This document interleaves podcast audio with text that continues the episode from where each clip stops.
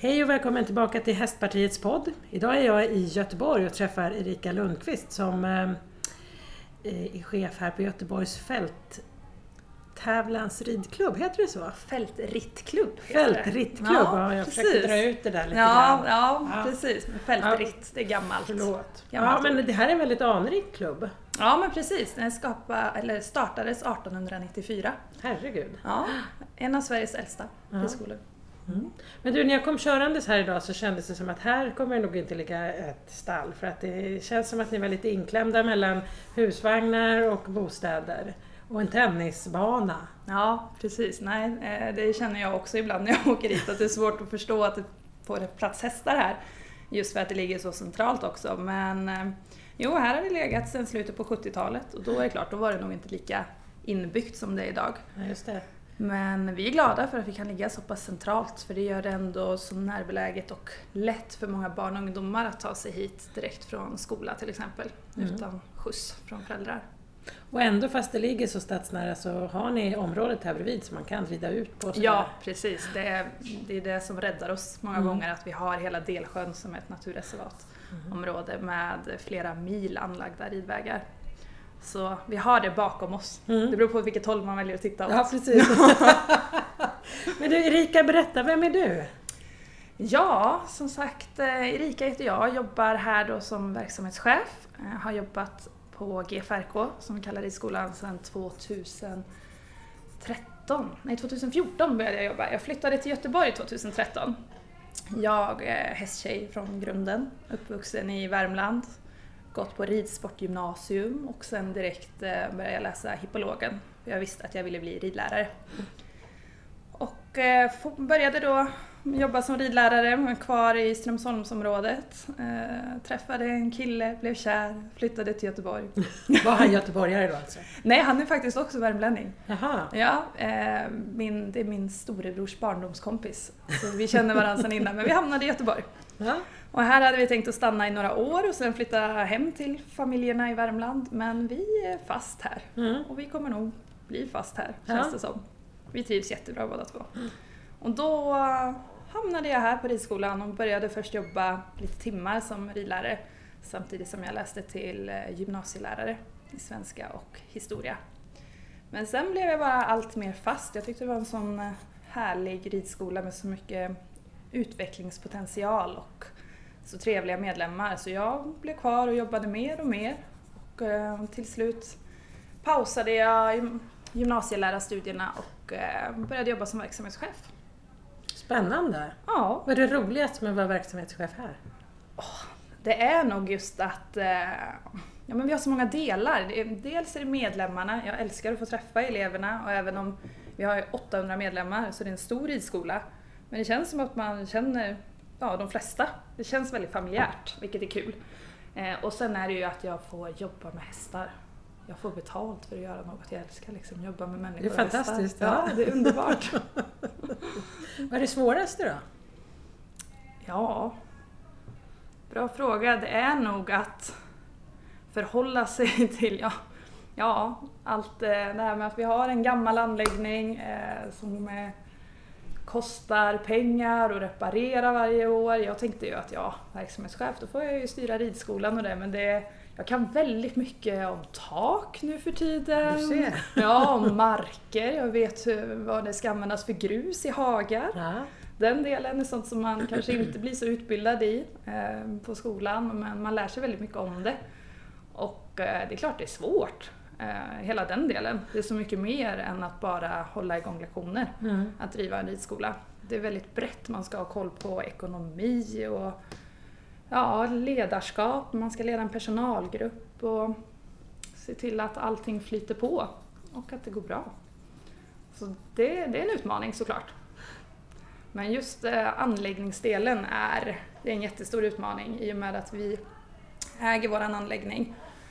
Där är ju ridskolorna i två olika läger Ja. i Sverige. Antingen så äger kommunen anläggningen och bidrar då i olika mängd beroende på kommuner. Eh, Men bidrar då ofta med driftskostnader och renoveringsbehov och sånt. Eller som i vårt fall så äger föreningen anläggningen och då får vi använda oss utav de ekonomiska resurser vi har varje år. Men det är ju inte så mycket för vi vill ju hålla nere, vi vill hålla nere kostnaderna så mycket som möjligt Mm. för att ha så låga ridavgifter som möjligt. Men det låter ju som att det är ganska orättvist. Ja, ja det beror på vad man jämför med. Men eh, om man då driver en ridskola i, som kommunen äger fastigheten så, så då får man verksamhetsbidrag eller man får... Eh, Ja, precis. Det är lite olika jag har förstått eh, beroende på kommun. Mm. Det finns vissa kommuner som satsar väldigt mycket på ridsporten. Eh, Och just nu måste jag ändå säga att vår kommun gör en eh, stor satsning också. Mm. Eh, Så det ska vi absolut inte glömma bort i det här. Men jag vet att många norrländska ridskolor, där äger kommunerna. Och då, ja, som just nu när elen drar iväg, då betalar ju kommunen redan för det. Så Mm. det påverkar ju inte ridskolan på samma sätt som Just det gör om man själv Ja, hur har det gått för er här med elen? Ja, den drar ju iväg men ja, våran, det är klart att det, det är inte roligt att betala el- elräkningarna just nu. Nej. Men min eh, värsta farhåga det är när de nya höpriserna kommer för eh, nästa år. För bränslepriset är ju ett ännu större problem inom hästnäringen upplever jag. Mm. Det, det ska ju, bönderna behöver ju bränsle för att kunna vara ute och skörda hö och kraftfoder, spannmål. Eh, vilket gör att de kommer öka sina priser jättemycket. Vi har redan fått information om att eh, transporterna ökar priser, så bara att få hit fodret kostar ju mer. Eh, alla som tar sig hit, hovslagarna höjer priserna för det blir dyrare för dem att köra hit. Veterinärerna höjer. Så våra utgifter ökar hela tiden Mm. men vi har ju, jag har ju inte så många sätt att få intäkter på utan det är framförallt våra ridavgifter som vi får de intäkterna. Och sen har vi ju till viss del tävlingar men vi är inte så stor tävlingsklubb eh, utan det är ridavgifterna. Och det gör ju att vi måste höja ridavgifterna när våra kostnader ökar. Vi har ju inte råd att gå runt annars. Nej. Och det är jättetråkigt för då blir det då hamnar vi i det här att eh, ja, ridning kanske inte är för alla. Utan man måste ha ekonomin för det. Mm. Och det är ju i det facket vi inte vill vara. Nej, verkligen inte. I Sverige har ju varit väldigt länge ganska ex- exceptionella för att man ska kunna rida på ridskola utan att behöva vara miljonär. Ja, precis. Ja men så är det ju faktiskt om man jämför i många andra länder. Ja. Där är det ju, det är klart det är dyrt att ha häst. Ja. Det vet alla som Ja. har haft häst eller som har ridit på ridskola vet att det kostar pengar. Det är bara att se vad en uh, veterinärräkning kostar om hästen skulle Mm. skada sig eller när, att den måste ha skor var åttonde vecka. Mm. Så självklart kostar det pengar men ridskolorna är ändå till för allmänheten. Mm. För att så många som möjligt ska kunna testa på att börja rida. Mm. Och det finns ju hur många studier som helst som visar vilken nytta ridning Mm. gör för både barn, ungdomar och vuxna. Så varför ska man då inte försöka få in det mer? Mm. Om vi har så mycket psykisk ohälsa som vi har just nu i landet, den är ju större än någonsin. Mm. Det är om något en pandemi. Märker ni av det här på ridskolan? Elever? absolut. Ja. Framförallt nu under eh, coronapandemin Mm. så är det, vi har ju haft möjlighet att hålla öppet. Vi har anpassat oss efter restriktionerna men vi har ändå försökt hålla själva ridskolan igång. Mm. Och det har ju varit guld värt för många medlemmar Mm. som har suttit hemma, jobbat isolerade och fått ta sig till stallet och i alla fall få göra någonting. Mm. Det är Mm. många som vittnar om att det har varit räddningen för dem i veckan. Mm. Så det, ja, det gör verkligen skillnad. Mm. Det är många som är, hänger här efter skolan och sådär. Är det ett typiskt sånt stall? Ja, det, jag tror det är mycket för att vi ligger så centralt. Mm. Det är ju bara för barnen att ta spårvagnen hem och så hoppar de av kanske en hållplats tidigare och går till stallet istället för att åka Mm. hem. Så det är det absolut. Eh, Och vi har ju, i och med att vi är så stora så har vi öppet väldigt länge. Mm. Vi har personal här från sex på morgonen, sen brukar vi säga att stallet öppnar klockan tre. Så hästarna får vara lite i fred först. Och sen har vi personal här till 23 på kvällen. Mhm. Så det finns ju alltid möjlighet att, ja, att vara här och hänga här och titta på när andra rider. Och det behöver man ju inte vara ridande elev för att göra utan det, kan man, det är öppet för vem som helst att komma Mm. förbi. Mm. Eh, Så ja, och det är jag väldigt glad för och det är något som jag vill utveckla. Jag vill göra ridskolan ännu mer till en fritidsgård Mm. faktiskt. Så det står på, det står på to-do-listen Ja. här framöver. Förhoppningsvis Härligt. redan i vår. Ja. Men när vi gick runt här alldeles nyss så gick vi även förbi eh, foderdelen av stallet. Där sa du att eleverna hade packat påsar och sådär. Mm, Det är för Precis. att du tycker att de ska vara mer... Ja, vi har pratat om det i personalgruppen, att hur kan vi få våra elever att förstå att ridning är så mycket mer än att sitta på hästen. Eh, Och vi skojade lite om det när vi hade konferenser för några veckor sedan, att det borde egentligen heta hästskola och inte Mm. ridskola. För det är klart att de flesta som börjar på ridskola, de har nog inställningen att de ska lära sig att rida en häst i alla gångarter och hoppa över hinder. Mm. Men hästen måste ju tas om hand. Alla vi som har haft en egen häst vet hur många timmar det innebär varje dag. Så därför har vi försökt att få in att eh, eleverna ska ut och mocka i stallet, att de eh, ska hjälpa till att packa höpåsar så att de också får förståelse för ja, men dels också hur mycket mat hästen ska äta. Mm. Så att de lär sig de teoretiska delarna i takt med att de Mm. jobbar inför sin lektion till exempel. För då har de, ja men vissa ridgrupper har då i uppgift att packa x antal höpåsar med si och så många kilon i innan eller efter sin lektion. Mm. Och så är det några andra senare på kvällen som ansvarar då för att fodra ut de här påsarna till hästarna. Och så har de då vissa rutiner som de ska följa. Så jag upplever att det, är väldigt uppskattat hos Mm. eleverna. Och ehm, jag tror att elever, ja, både elever och personal och hästar är nöjda med hur det fungerar just nu. Är det lätt eller svårt att få tag i personal? Både och Mm. faktiskt. Ja, men jag är väldigt glad för att det finns, det finns ju en utbildning, eller det finns flera utbildningar nu som utbildar inom häst och just den här hippologutbildningen är ju en universitetsutbildning till exempel. Och eh, vi har sagt att vi vill ha utbildad personal här. Mm. För det gör ju också att vi kan hålla en helt annan kvalitet på vår undervisning.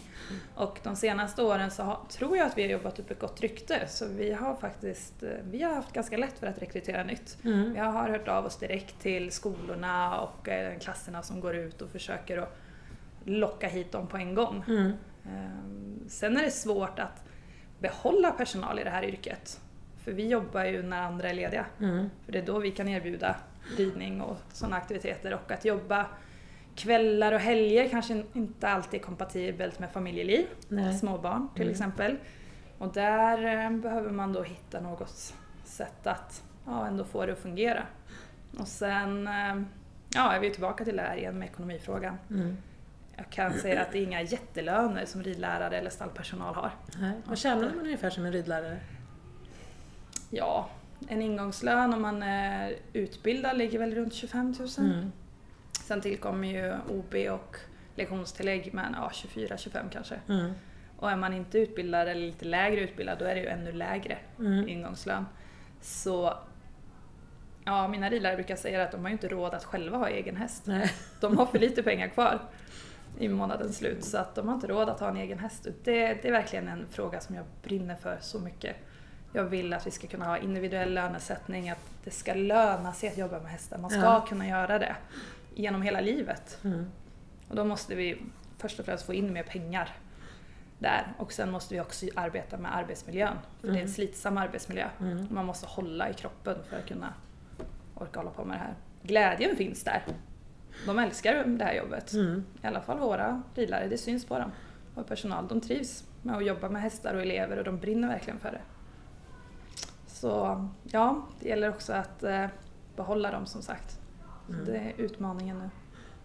Men Du är hästtjej från grunden och nu jobbar du som chef. Hur skulle du säga att liksom hästlivet har präglat dig som ledare? Oj, jag tror det är... Jag tror det präglar tidigt som sagt att man får ta ansvar. Mm. Det kommer man ju alltid tillbaka till. Man får lära sig att ta ansvar tidigt. Och man... eh, Men man blir ödmjuk tror jag. Man blir ödmjuk inför hästen och därmed Mm. ödmjuk inför andra människor. Man vet vad det är man hanterar, man får tidigt koll på kostnader och man lär sig att ta hand om det man har för man kanske inte har råd att slita och släng Mm. med saker och ting. Eh, sen upplever jag att hästvärlden överlag skapar väldigt trygga ledare som personer. Man lär sig att vara trygg som person när man umgås med hästar. För hästar läser av energi så väl. Mm. Så kommer jag in och är stressad upp i varv eller väldigt osäker, då läser ju hästen av det direkt Mm. och reagerar på det. Så ja, men jag försöker att dra nytta av hur jag är med hästarna så ska jag även vara med personal och människor. Mm. Jag hoppas att det gör skillnad. Jag får fråga i fikarummet sen. Ja, precis! Ja, det var intressant. Men hur hästskötare då? Det var någon tidigare som sa att det var svårt att få tag i, men det upplever du inte här i, i Göteborgstrakten? Men det kan nästan vara svårare faktiskt än ridlärarna. Ja. Eh, för ridlärarna de eh, läser ju de här ridlärarutbildningarna för att jobba med ja, men antingen då som ridlärare eller kanske ska starta eget företag. Men det är ju svårt att hitta de här som är utbildade men bara vill jobba i stallet. Mm.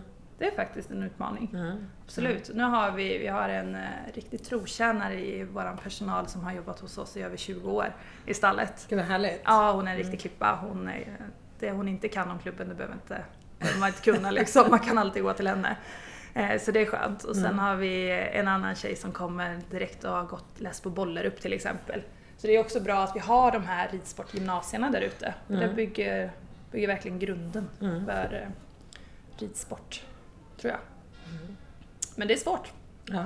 Och det är samma sak där att, ja det är klart att då har ju inte de heller kanske samma typ av utbildning vilket då gör det mer svårmotiverat till att höja löner och Mm, sådana saker. mm. Men de har jag ingen, inte kompetent personal som tar hand om mina hästar. Då har jag inga hästar som kan gå lektioner med eleverna. Nej. Och det är ju uppenbarligen där jag får in pengarna. Mm. Så allting, det är lite som i Lejonkungen där, circle of life.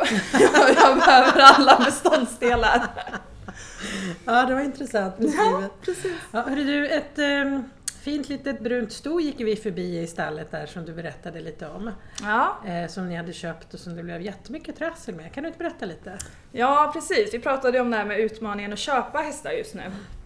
Jag brukar säga att det är ja, nästan lättare att hitta enhörningar än att hitta bra Mm. ridskolehästar. Mm. Det är en jätteutmaning. Och, eh, dels råder det hästbrist i Sverige. Eh, det vet vi om och har vetat i flera år, vi som jobbar inom hästnäringen. Mm. Att det föds inte upp hästar som passar den här typen av ridning utan det föds, de hästarna som vi föder upp i Sverige det är elithästar Ja. som man försöker dra. Och de, det är sällan de fungerar på ridskola. Vilket gör att de hästarna som vi har råd att köpa, det är importerade hästar. Och de importerade hästarna, de brukar komma till Sverige av en anledning. Mm. Ofta är det att de har defekter som gör att de är dissade i Mm. hemlandet. Mm.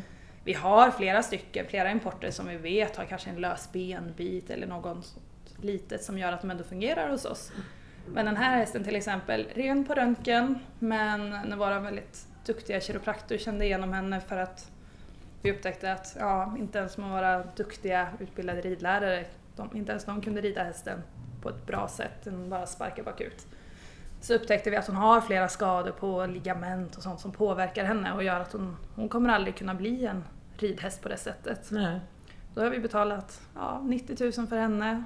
Eh, har inte möjlighet att lämna tillbaka henne för den tiden har gått ut. Och vi Mm. som ändå ses som ett företag har köpt av ett företag och då har det gått över sex månader så är det betydligt svårare Ja. att häva köpet. Eh, samtidigt som försäkringsbolaget säger att ja fast ni har haft hästen under för kort tid. Vi måste häva köpet för vi tar inte emot en livskadeanmälan. Mm. Så vi står nu med en häst som kostar pengar, som vi brukar säga, äter, behöver skötas varje Mm. dag, behöver ju ja, tas om hand. Men den kan inte gå några lektioner. Eh, vi kommer inte kunna sälja den vidare för vi vill ju inte att hästen ska hamna hos någon som försöker rida på den och vi vill inte lura på någon Nej. en skadad häst. Men vad gör man då? då? Du, jag vet inte riktigt, helt ärligt. Ja, det är det som håller mig sömnlös om nätterna just nu. Eh, vi vet inte riktigt hur vi ska lösa det med henne. Mm. Och det här är ju utmaningen då med att köpa importer. Mm. Ofta går det bra. Och det är inte så att jag tror att den här hästhandlaren har aktivt lurat oss. Nej. Jag tror inte hon visste om vad det var för fel på hästen. Eh, för då... Ja, men jag tror gott om människor, jag tror inte Ja. att man vill lura andra. Absolut inte. Men eh, ja, det är ju det här att hästarna... Det är klart att svensk uppfödda hästar kan det också bli fel på. Mm. Men jag tror, jag tror ändå att de som kommer hit från utlandet, de är nästan garanterat fel på. Mm. Och, Men hur ska man ja. lösa det här då? Jag tror att man måste se över uppfödningen av hästar i landet. Min mamma i Värmland tillsammans med min syster och jag födde själva upp hästar. Mhm. Eh, hopp, Vilken sort? Eh, hopp och dressyrhästar, Ja. halvblod. Eh, dressyrhästar lite mer till mig och hopphästar till min syster. Och det är klart att vi avlar ju för sporten. Vi avlar inte för ridskola. Nej. Om man då tittar på vad det kostar bara att ta fram ett föl och sen att föda upp det de här första åren. Då Mm. pratar man, man brukar prata om att det kostar runt 150 000 kanske Mm. när hästen är fyra år gammal. Och vi köper som yngst fyraåriga hästar för att skola in i ridskolan. Mm. Vi har inte 150 000 att lägga på en häst. Som inte kan gå då första året Nej precis, det Nej. går inte. Vi har inte den ekonomin. Så Mm. först och främst då måste man titta på lämpliga hästar att använda i aveln. Och det vet jag att det är många, Jens Fredriksson till exempel, som pratar mycket om det här nu. Eh, Så problemet är ju uppe på kartan på bordet, man vet Mm. om det. Men vi måste hitta en ekonomisk lösning för det. Hur kan vi hitta en billigare lösning för att föda upp dem tills de är så pass gamla? Så att man kan skola in dem i verksamheten. Mm. Jag tänker det är också ridskolehästar och privathästar är ju ganska i, i mångt och mycket lika. Om man nu Ja. inte är elitryttare Ja, men såklart. Men, men om man är vanlig ryttare som rider för sitt eget nöjes skull så är det ju samma hästbrist. Ja, visst är det det. Och vi Mm. brukar säga det, vi konkurrerar ju med Mm. Ja, vi- vi brukar säga att vi vill ha en snäll tanthäst. Ja, precis. Jag med! Precis. Och som privatperson kanske man har sparat länge eller har, tar lån eller någonting har möjlighet att betala lite mer. Mm. Ja, så norpar ju de hästarna Mm. som vi. Mm. Så ja, det är jättesvårt. Det finns verkligen en enorm efterfrågan. Mm. Men en del säger ju så här, nej men jag vill inte sälja till ridskola, stackars häst. Alltså Ja. är du stackars häst? Nej, nej, nej, nej, nej, nej. Här finns det ju utbildad personal. Mm. Vi är utbildade i att vi kan räkna ut foderstatus till hästen, vi vet hur hästen ska tränas. Här på våran ridskola har vi hovslagare utbildade som kommer ut varje, nu har vi många hästar, så de kommer varje torsdag eh, året om. Mm. Vi har veterinär som kommer ut varannan vecka. Mm. Eh, vi har kiropraktor. Är det samma vi har veterinär som de känner ja, igen hästarna? precis. Ja. Det är samma veterinär som vi har som vår husveterinär. Och sen har vi även jättebra eh, kontakt med eh, distriktsveterinärerna i Kungsbacka som vi har för akuta fall. Mm. Vi sponsrar dem väldigt mycket. De har många räkningar skickar de till oss med kolikfall och sånt. Ja. Ehm, så vi har, alltså vi har ju stenkoll på våra hästar. De är, Mm. behandlas ju som alltså IFKs fotbollsspelare liksom. Mm. De är, ja, vi, har, vi visiterar dem, ser över dem varje dag, klämmer och känner på dem, passar ut utrustning. Och så fort vi märker att en häst inte trivs eller mår bra så analyserar vi tillsammans då i personalgruppen. Varför? Vad kan vi göra? Tar ut hästen ur verksamheten? Hästar som inte trivs längre, eh, de säljer vi, pensionerar. Spelar Mm. ingen roll om vi bara har haft dem som en ponny vi köpte i höstas som visade att nej, det här är för stor anläggning, det, jag klarar inte det här. Mm. Mm, då fick vi sälja honom efter tre månader. Jättetråkigt för oss men vi kan inte tvinga in en häst i verksamheten. Nej. Det är levande varelser. Så jag tycker att vi, och så här är det ju på andra ridskolor också. Mm. Men jag tror att det finns någon så här förlegad syn på ridskola, att man, det är elever som inte kan rida, inte sköta om hästen och att det är ett hemskt hästliv. Men hästar är skapade för att röra på sig. En privatperson kanske rider sin häst 45-50 minuter om dagen. Här får de ju gå kanske två, tre lektioner. Mm. De mår bra utav det. Mm. Mm. De tycker det är skönt. Man ser hur hästarna trivs med sitt jobb. De gillar att röra på sig. Och de får varierat arbete. Så fort det vädret tillåter och det är lite ljusare, då rider vi ju ut jättemycket. Mm. Så nej, jag tycker det är förlegat och eh, jag tror att allt fler ändå börjar få upp synen för hur ridskolorna idag faktiskt ser ut. Mm. Vi är också med i utvecklingen. Det, det är ett bra hem för hästar. Mm. Det kan jag verkligen Så man för. sitter på en fantastisk häst här som man skulle kunna tänka sig att sälja nu så kan man höra av sig hit. Ja, tack! Jättegärna! Gör det, vi behöver alltid köpa hästar. Ja. Ja. Men det är inte så att ni har någon form av, eh, inte vet jag vad det kallas, agent i något annat land eller något sånt där man känner att man kanske vet att det skulle bli... Ja, men vi har testat lite, provat med lite nya kontakter senast i höstas när det verkligen var akut Mm. hästbrist provat köpa in några stycken och ja, vi utvärderar väl fortfarande lite. Men där behöver man nog faktiskt åka ner själv och skapa sina egna kontakter det. för oftast är det mellanhand Mm. som tar ut en ganska rejäl summa pengar. Mhm, mm. Eh, och det är ju pengar som jag tänker att de kan vi istället spara ihop och så har vi en till häst sen. Ja, just Ja. det. Ja. Ja. Så ja, man skulle väl eh, kanske behöva åka ner till de olika... men, Ja, igen, jag skulle vilja köpa svenska hästar. Ja. Så ja. Vi får köpa en, en gård och föda upp lite ridskolehästar. ja, jag vet en del ridskolor har ju faktiskt möjlighet att göra det. Mhm. Eh, Ja, jag vet till exempel Hallsta ridskola som jag känner till i och med att jag har varit i runt Strömsholm där, de, Mm. eh, de eh, har ju också nyligen fått en helt nybyggd anläggning. Där har de möjlighet att ta lite föl på Mhm. ridskolehästar till Mhm. exempel. Och det är ju perfekt för då vet de att det är temperament på stoet Mm. eh, och sen så väljer de en lämplig hingst och så har de möjlighet att föda upp den. Mm. Och det vet jag fler ridskolor gör. Men här till exempel, som sagt, vi har egentligen knappt plats med de hästarna vi har. Mm. Vi får dispens från eh, Länsstyrelsen för att ha det stora antalet hästar vi har på den Mm. lilla marken. Mm. Det är inte, det är inte miljö här för ett föl att växa upp. Nej. Så, Ja, Det var inga jättestora hagar men ni har ändå gjort stora hagar och den mark som ni har. ja, eh, precis. När jag började jobba här då var det väldigt många småhagar. Små rutor till hästarna och, som de stod i en och en.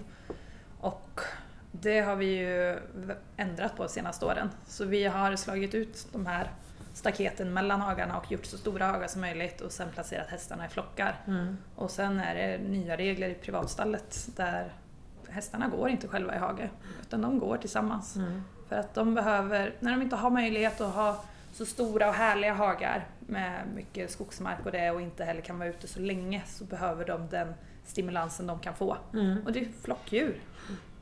De behöver gå tillsammans med varandra och nu har vi även möjlighet att ge dem fri tillgång till grovfoder ute i hagen med höhäckar och eh, rundbalar med nät på så de kan stå och pyssla med det och pilla med. Vilket också gör att vi ser att de mår bättre. De mår Mm. bättre på både in och utsida. Det låter Så. fantastiskt. Ja, Ja. vi, vi gör vad vi kan i alla fall. Drömmen är ju såklart stora böljande hagar i kuperat och med Mm. skog och mark. Men vi gör vad vi kan utifrån de förutsättningarna vi har. Nu har ni eh, ganska många medlemmar, ni hade 800 medlemmar. Mm. Hur många liksom rider här varje vecka? Vi har ungefär 700 uppsittningar har vi, och då har vi nog ökat på så mycket vi bara kan. Vi har ett ridhus som är väldigt stort där vi har tre maneger samtidigt. Som Ja, det var igång. jättefränt. Ja, det är, eh, svårt att beskriva kanske men det är en stor manege och sen så hissar man ner plastväggar och delar upp då i tre maneger. Mm. Och där har lektionerna, eller håller lektionerna på då hela kvällarna med ungefär 120 ridande per kväll kanske. Och eh, ja, men där, eh, där har vi som sagt smackat på nu och har så mycket elever som vi bara kan ta in. Eh, Men, men vi har, kan komma hit både som nybörjare och som... Eh, Ja, gud ja, precis. Vi har, vi har från lägsta nivå när man precis lär sig att rida och sen eh, kan vi erbjuda tävling till och med för våra Mm. ridskoleelever. Tävla i hoppning, dressyr och även fälttävlan. Så vi har eh, grupper på riktigt hög nivå, mm. vilket är kul. Vår utmaning är ju att vi kan inte expandera mer. Så vi har en väldigt lång kö. Mm. För vi har eh, elever som uppskattar vår ridskola så de slutar inte. Nej. Det är jättekul! Ja. Men det är tråkigt också för jag vet att ridskolorna i Göteborg har jättelång kö och det här är någonting som vi arbetar med just nu. Att hur ska vi göra för att få in elever? Mm. Vi kan ju inte sparka ut dem vi har. Nej. Och jag, jag har ingen mer manege och, och inte fler hästar. Jag, kan inte, jag skulle behöva mer mark. Jag brukar säga att vi drömmer om marken som är på andra sidan där de har camping nu. Ja. Att eh, bygga en till. Vi skulle utan problem kunna utöka med säkert en till bara ponnyridskola. Mm. 20 ponnyer och ett ridhus och hagar till det. Utan problem fylla det, Mm. jag lovar. Och det ser likadant ut på alla andra ridklubbar i området. Ja, Ja. vad jag vet. Mm. Samarbetar ni mycket med de andra ridklubbarna? Ja men en del. Framförallt har vi anordnat distriktet mycket träffar för verksamhetscheferna till exempel och ibland även utbildningsträffar för ridlärarna. Mm. Då får man ju träffas och diskutera. Och eh, som sagt just nu arbetar också kommunen med en satsning eh, mellan, jag tror det heter eh, Göteborgs plan för ridsport 2020 till 2024. Mm. Där man då försöker att lägga lite mer resurser på ridsporten. Där då frågor som, ja men mark Mm. till anläggningarna Mm. är en stor del och eh, eh, att man ska kunna utöka ridvägar. Vi, nu har ju vi många ridvägar men de ska också vara säkra. Mm. Ehm, Att de vill kunna stötta så att det finns möjlighet för fler att prova på ridsporten. Och då är det ju utmaningen då, vart, vart ska vi hur ska vi kunna expandera? Nej, men precis. Och vi, har ju, vi är ju den enda ridskolan som ligger så centralt som vi gör. Mm. Sen är det ju flera ridskolor som ligger i utkanten, vi har jättemånga som ligger ute på hissingen till exempel. Men där krävs ju lite mer och det är oftast en förälder som kanske måste köra ut sitt barn. Mm. Åker man ifrån innerstan så kanske man inte skickar ut tioåriga barn med buss ut Nej. dit. Eh, Men då kanske det känns enklare att hoppa på spårvagnen och åka hit. Mm. Och det är den, en väldigt stor anledning till att många väljer vår ridskola. Vilket gör att jag tycker att det, jag förstod inte vikten av det här innan. Men nu förstår jag vikten av att ha en stor stadsridskola Mm. och ge utrymme till den. För jag tror att vi har, hade vi möjligheten så skulle vi verkligen kunna expandera mycket. Mm. Så ja, Mer häst åt fler helt enkelt. ja mer Ja. häst åt fler. Mer du, mark. Om man nu ska få mer häst åt fler, det krävs ju ibland liksom politiska beslut som de gör nu som du berättar här i Göteborg eh, stad för att eh, få satsa på hästar. Men det finns ju också rätt mycket som man gör regionalt eller på nationellt där jag sitter i Mm. riksdagen. Om du skulle vara minister för en dag, vad skulle du bestämma då för att förbättra för Sveriges hästnäring? Oj, vad lyxigt. Tänk om det bara gick att bestämma också. Ah. så här blir det. Det hade varit skönt. Ja, men jag vet ju att en väldigt stor utmaning just nu är ja, men de ökade bränslepriserna. Mm. Absolut, de ökade elutgifterna. Mm. Det är, eh, ja, men om jag då pratar med min mamma då som eh, ensamstående bedriver, driver en hästgård Mm. uppe i Värmland med tio hästar. Hon har ju mer än fördubblat sin elräkning i år. Mm. Och bara att kunna bo ute på landet kräver ju att man har bil och kan köra någonstans. Så, alltså landsbygden överlag, det känns Mm. som att jag vet inte om Stockholm vet om att vi finns ute på landsbygden. De pratar om att eh, man ska värna av landsbygden men sen höjer man bränslepriserna så man har inte råd att åka någonstans. Nej, jag vet inte. Det känns... Alltså just, det är de stora sakerna. Mm. Och jag vet att det är det här som man pratar om också, så självklart. Men sen behöver man titta på hur ska... för- försvinner hästnäringen lite för man pratar mycket om jordbruket, att man behöver stöd till, Sveriges lantbrukare. Ja, och det är klart, men vi är också... eh, Ja. med tanke på det kostar väl en slant att värma upp det här stallet? Precis, det kostar. Eh, absolut gör det det. Och som sagt, ja, där kommunen äger anläggningen, då kanske de direkt tar det Ja, det. högre upp för att de ser det mer. Jag vet inte, men här, ja, vi betalar och sen försöker vi fundera på, aha, kan vi klämma in en till kurs så vi får in lite mer intäkter? Ja. Ehm, Det kommer bli spännande år. Men sen är det ju det här med att vi måste få in fler, fler uppfödare och fler som vågar föda upp hästar både åt privatpersonerna och eh, ridskolorna. Mm. Och kunna göra det ekonomisk vinning. Mm. För som det ser ut idag, de hobbyuppfödarna som finns, de, det är inte så att de tjänar pengar på sin hästuppfödning. Nej. Nej, utan det är en dyr hobby. Men hur kan man främja det? Men ja, vi pratade lite om det när vi gick i stallet och du nämnde då att eh, i Tyskland så har man faktiskt statliga stuterier. Mm. Det låter ju som en fantastisk lösning. Mm. Det låter ju som något i en saga. Jag ska återkomma om det en annan Ja, gång sen när jag ja, har varit där. Jag hoppas jag ska vara där 10. Men det, och då börjar man ju direkt tänka så här, "Men herregud, tänk om faktiskt... Jag vet att eh, det finns ju... Åh herregud, nu glömmer jag ju bort namnet på det. Ja men de här som står för hästarna eh, och har till exempel Strömsholm och Flyinge har fantastiska Riksanläggning. Ja, ja riksanläggningen, men de har möjlighet att låna hästar ifrån de här. Ja, det dyker säkert upp eh, i huvudet. Men eh, olika stiftelser till exempel då som föder upp hästar och sen lånar ut Jaha. helt enkelt. Ja. Ja, det har funnits och varit ganska stort tidigare Ja. men eh, ja, jag vet inte, det kanske finns bristande intresse eller ekonomi där också. Men Ja. jag tror att där behöver vi stöttning. Vi är så pass stora i Sverige, alltså det är den tredje största ungdomsidrotten.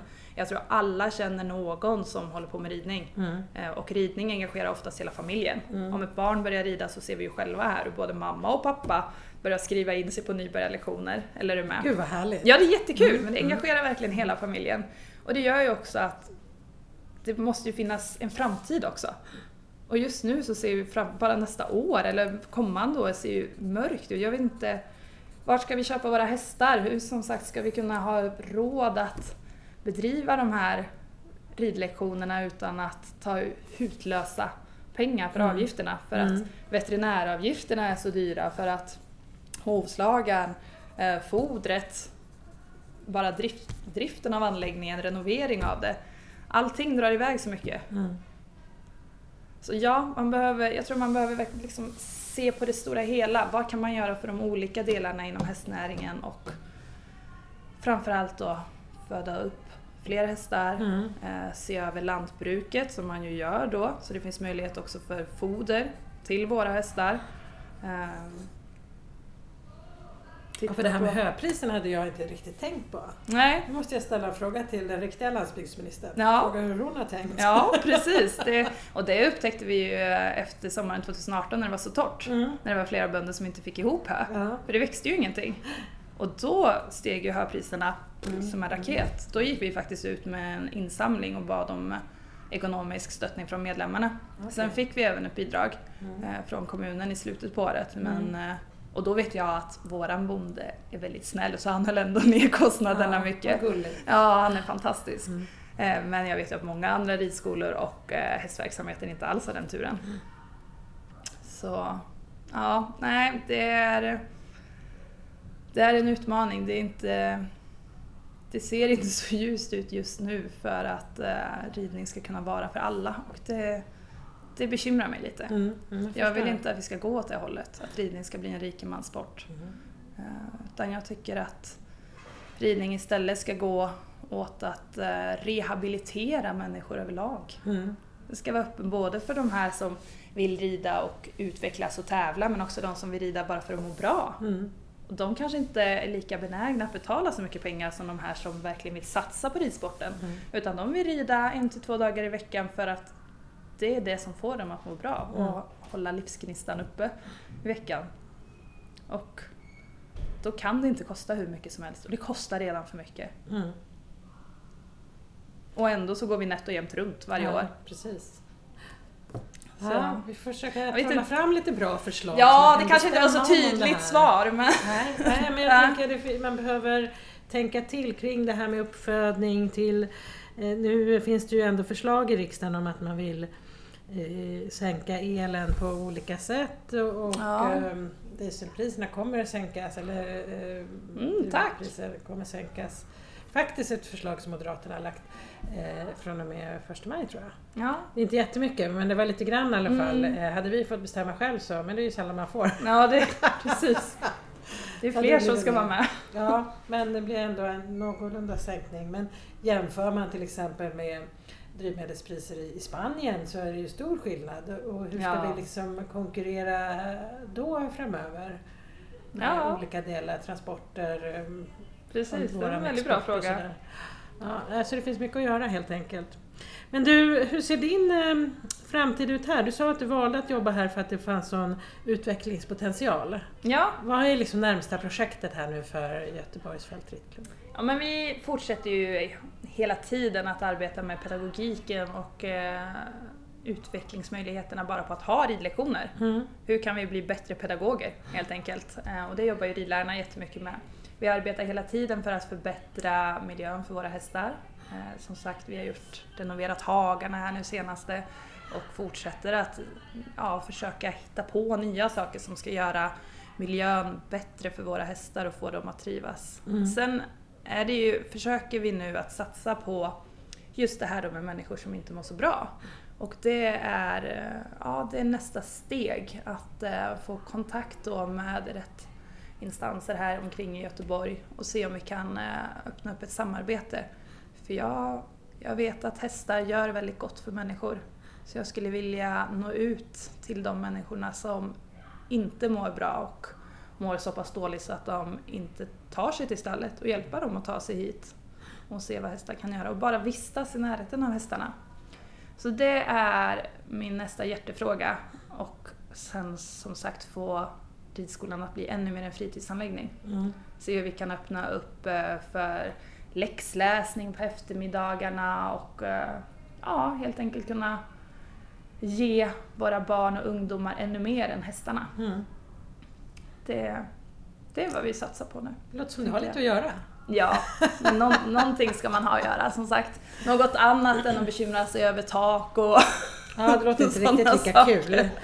Nej precis, renoveringarna de är mindre roliga. Ja, Ja. Även om de ska göras.